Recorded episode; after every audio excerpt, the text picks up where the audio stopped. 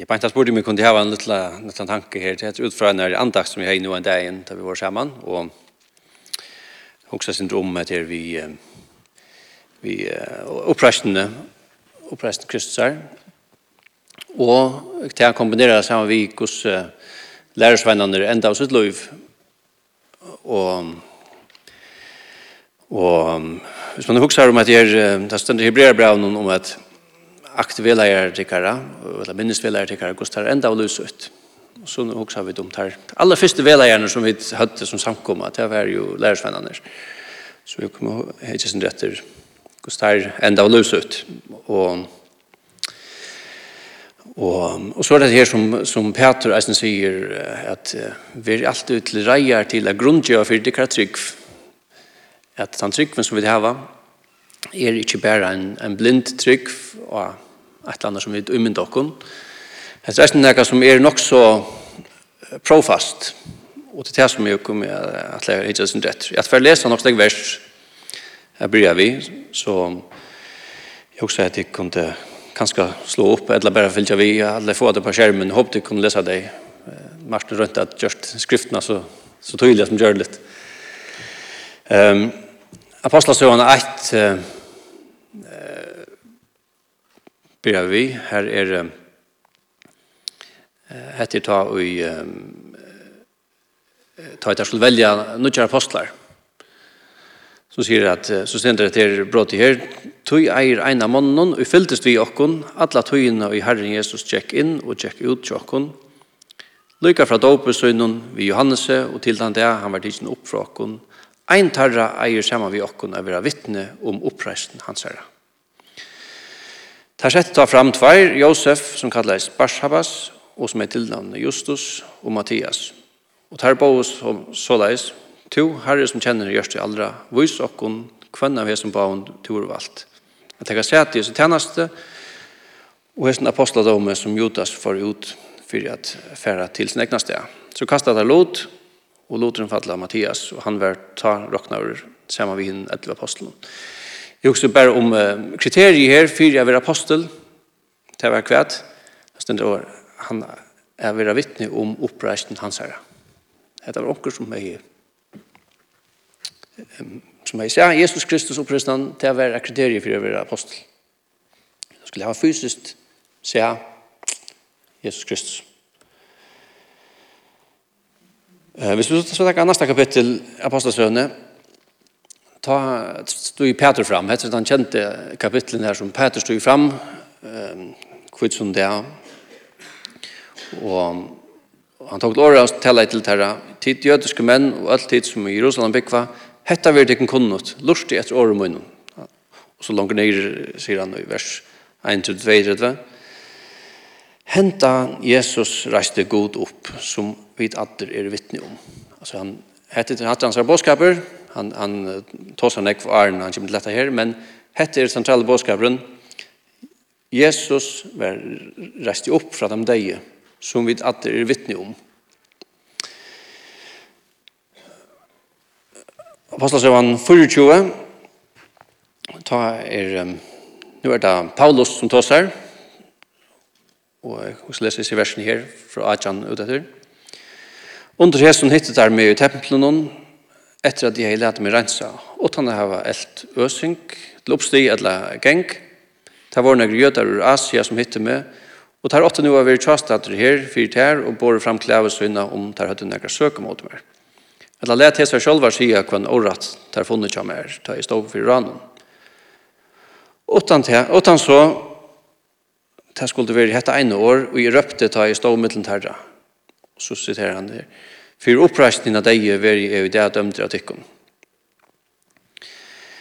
Jeg sier at her, Paulus beskriver at han er steg i en, en trunka og hever røpt nek ut, og til sier han at for oppreisningen av deg er jo det at dømte av tikkene. Det er det som han vil etsøkte for. Han vil etsøkte for å være vittne om oppreisningen av Det er helt, helt sentralt i til bådskapen som de første apostlene hadde.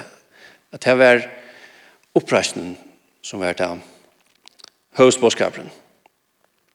Så også jeg får lese ur, ur um, fyra grunnbrev, kapittel 15. Det er en lengt kapittel som, eller, som Paulus skriver om uh, evangeliet og om oppreisningen. Les fra, fra kapitla, fra vers 1. Jeg setter framfyr dere, brøver evangeliet som er kundgjør dere, som tid eisen tolker vi, som tid eisen stand i, som tid eisen vera frelster vi, så satt som tid halda fast vi årene og i kundgjør dikken til i. Annars tro tid lunches. Tog jeg lærte dere som er fyrsta til, som er eisen i hei tid vi, at Kristus døy for sin okkara etter skriften at han var gjerraver, at han reist opp tria dagen etter skriften, etter evangeliet. Hette er det som Paulus sier, hette er evangeliet. At Kristus døg for synder okkar etter skriften, han var gjerraver, han reist opp tria dagen etter skriften. Så einfalt kan det sies. Bang, bang, bang. Hette er tjattnan ui, du som han stendt fyr. Og at han var satter av Kefas og, og Søjan hinnen tølv, Så igjen var han satt av mer enn 500 brødrene sen, av dem livet flest atter enn nærkere sånne er. Så igjen var han satt av Jakob, så igjen av ødlen apostelen, og sørst av ødlen var satt av mer vi hinn og ofullkomna fostri av kattla. Så er stand i attastre av apostelen, og er ikke, er ikke verdt å kattlast apostel vi tar det av li etter samkomgods. Men av nage gods er det det som er.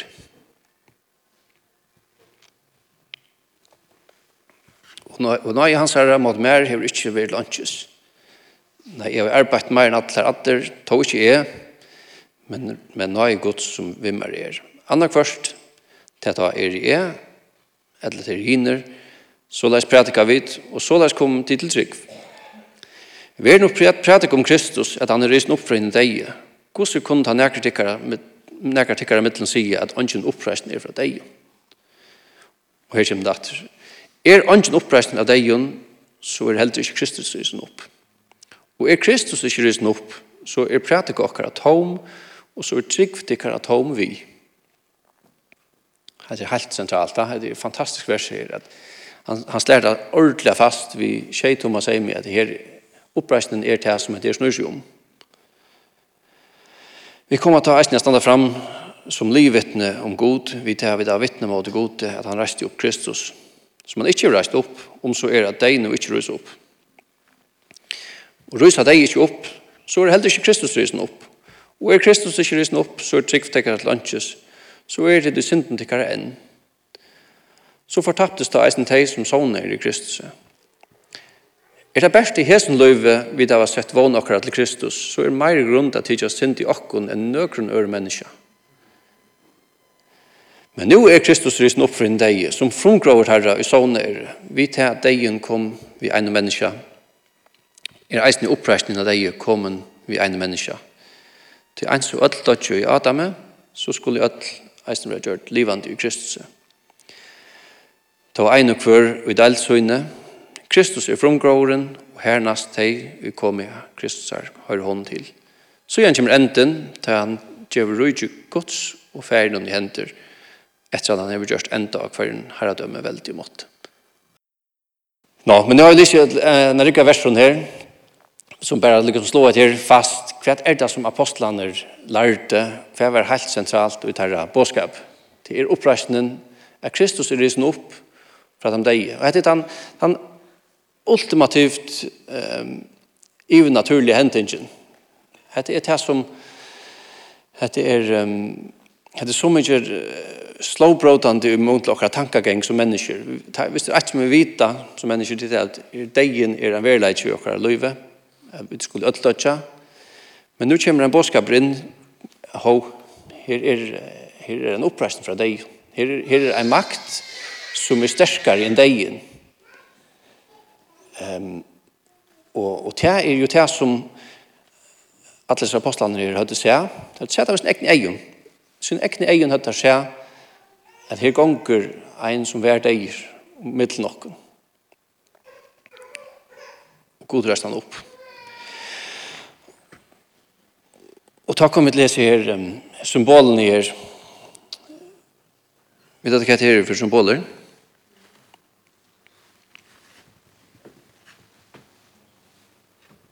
Nekker som er på? Her er krossar, onkur venter skreiva ved, og her er knivar, her er hemmar, her er eldur, her er sæger, og her er steinar, og her er nevnte jeg om Andreas, jeg snær krossen som som venter såleis, at da døy Andreas.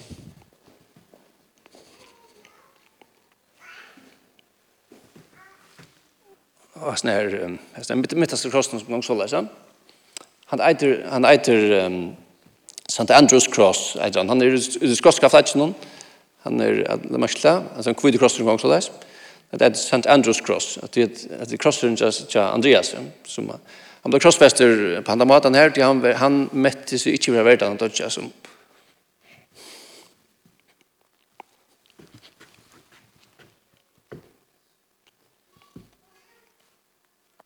Lukas Makar Frelser, som så tog jag han om att det var krossfester på annan mat.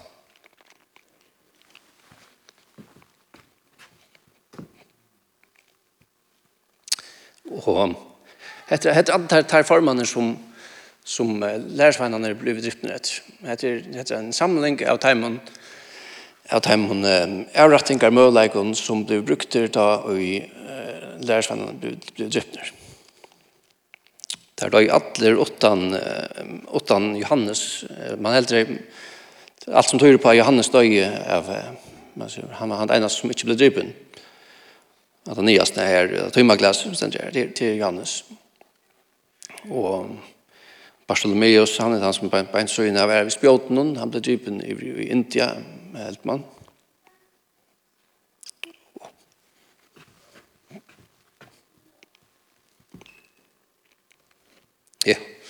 Så her er, her er øyla nekver, um, og, og nekver av dem døy vi, vi er en kombinasjon av oss nere, altså, som er, som er blivet um, punter og puskar og forskjellig, så var det er man kom her til. Nå, men, men uh, jeg rønner bare hva symbolen er, bare for ikke at det skal bli alt for grafisk det hele, men uh, jeg vet allikevel umynd dere, og for sutja fyrir dere, hva er det som eh, lærersvennene, som akkurat låser om Johanne, det som var helt sentralt tar budskapet og tar evangeliet var oppreisen. Hetta var det som det ble etsøkter fire, og hetta var tamaten der enda ved sitt liv. Vi har sånn vi som tått noen her, og det var det var en grusommer eh, dess hatter som ble brukter, og Og der var det fann ta i kursen at onker var, sagt, ble vært av i India, onker i Etiopia, onker i Rom, onker i Jerusalem, onker i her langt norr mot Svartehavn og forskjellige steder rundt. Der var det var, var spjatter ut om at han tar kjent heimen, og blir vi her forfylter for å standa vi sønne trygg og sønne bådskap som er om at Kristus er opprisen og at han kommer etter etter åkne det. Det var det jeg var vilje å dødja for. Um, Nå, hva er så måneden av, av lærersvennen og hæsomføren her? Her som fører her, han, han uh, døye for en sak. Han tror på nekka.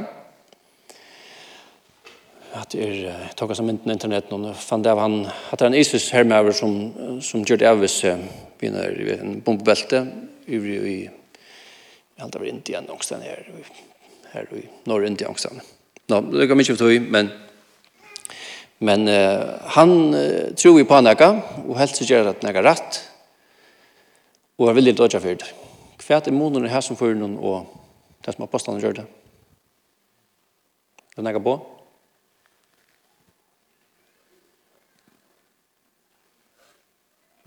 Nei. Det er um,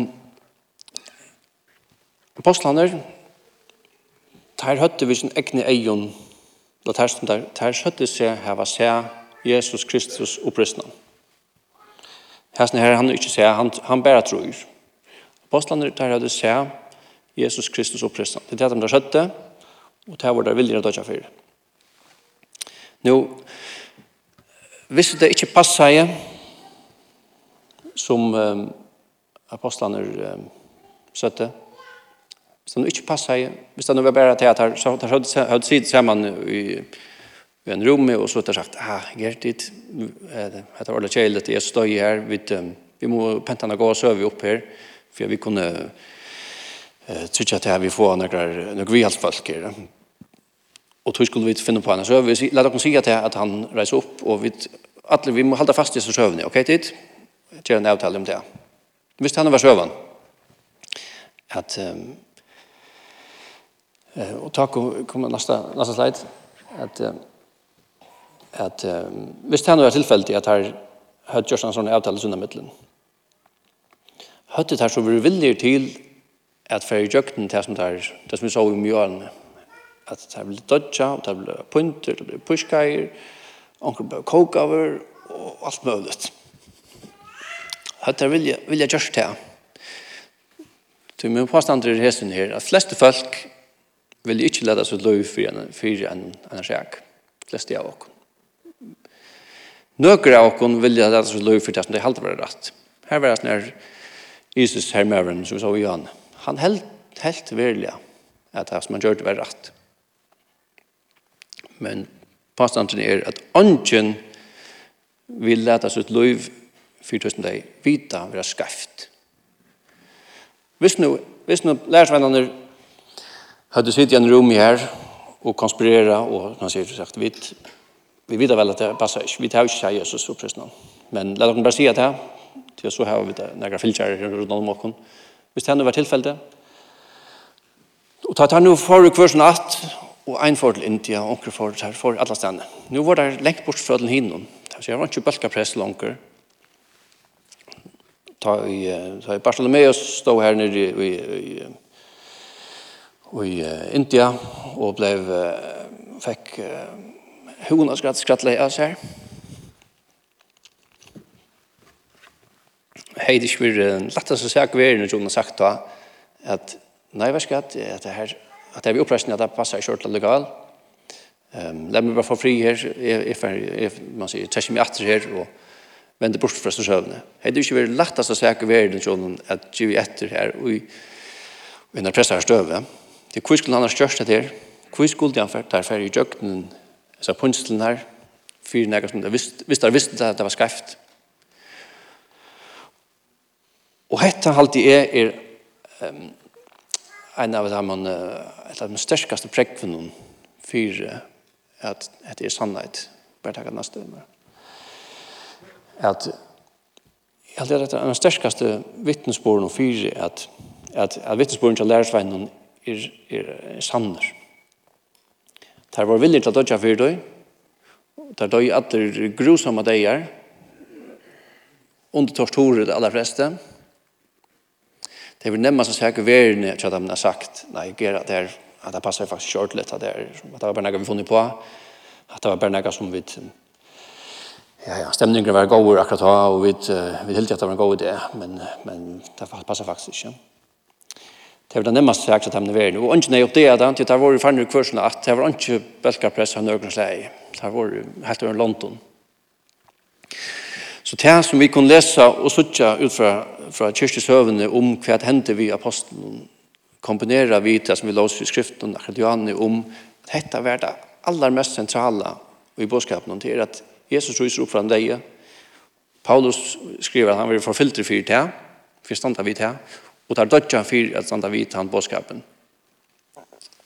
Det har alltid vært et avmøtelig um, størst pregv. Og så er det spørningen, den nesten sørste spørningen som jeg som enda vi. Og hva så? At det som, som er nesten alltid spyrjen seg i undervise en lotje, man sier fortalt et eller annet, så at hva er det som vi skal bruke seg her til. Hva er det å si for meg og det? Nå vet jeg dette. Jeg vet hvordan uh, apostlene er enda av sitt liv. Jeg vet hva tøtning det er. Det er at det er, er sannsynligvis et så størst pregg som vi behøver å kunne få. Vi får jo ju äsna at la Peter blir och hon vill att rejära grundgeva för våra trygg allt ja. Heter en en av de största grundgevningarna som jag känner till. Och Hva så Hva skal jeg bruke det til? Punkt 1.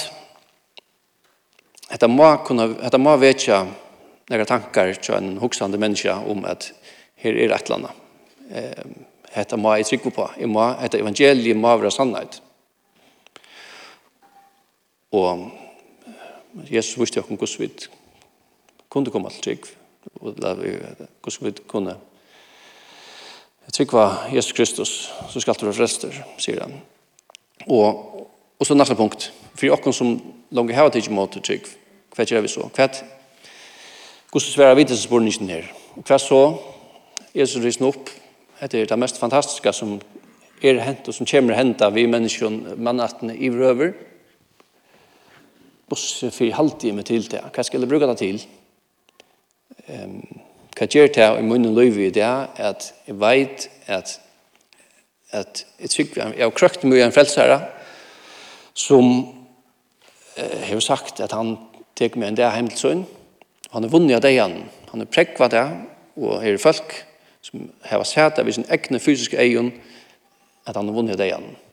Jeg har ikke sett det ved min fysiske egen, men jeg kan løyta nok så nekv det som stender nyskriva, og de frasøkene som er det, og jeg kan etterfylge trygg tja en velager. Det er det som Hebreabrevet sier. Akt velager tikkara, og, og gustar enda og løs ut, og etter så trygg tarra.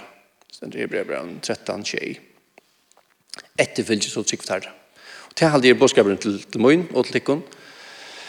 Hvis du kjenner herran, og, og hava tid i måter, jeg som trekker noen her, som det aller første, det aller viktigste, det neste, ja, men etter så. Hvordan gjør man så til her i, i dagsens samfunnet? Jeg vet ikke, men uh, jeg får bare ikke til at vi lette denne spørningen her henger som til høtten nok, og nå tar vi fra hjemme med det. Og hva så? Hva så? Hva er det så som hendast? Hva er det skal vi bruke det til? Nå har vi finnet et konklusivt prekv, serverer en sulfete, og hva så? Det var det som, den tanken som jeg også sier at utfordrer dere alle vi i morgen. Takk for det.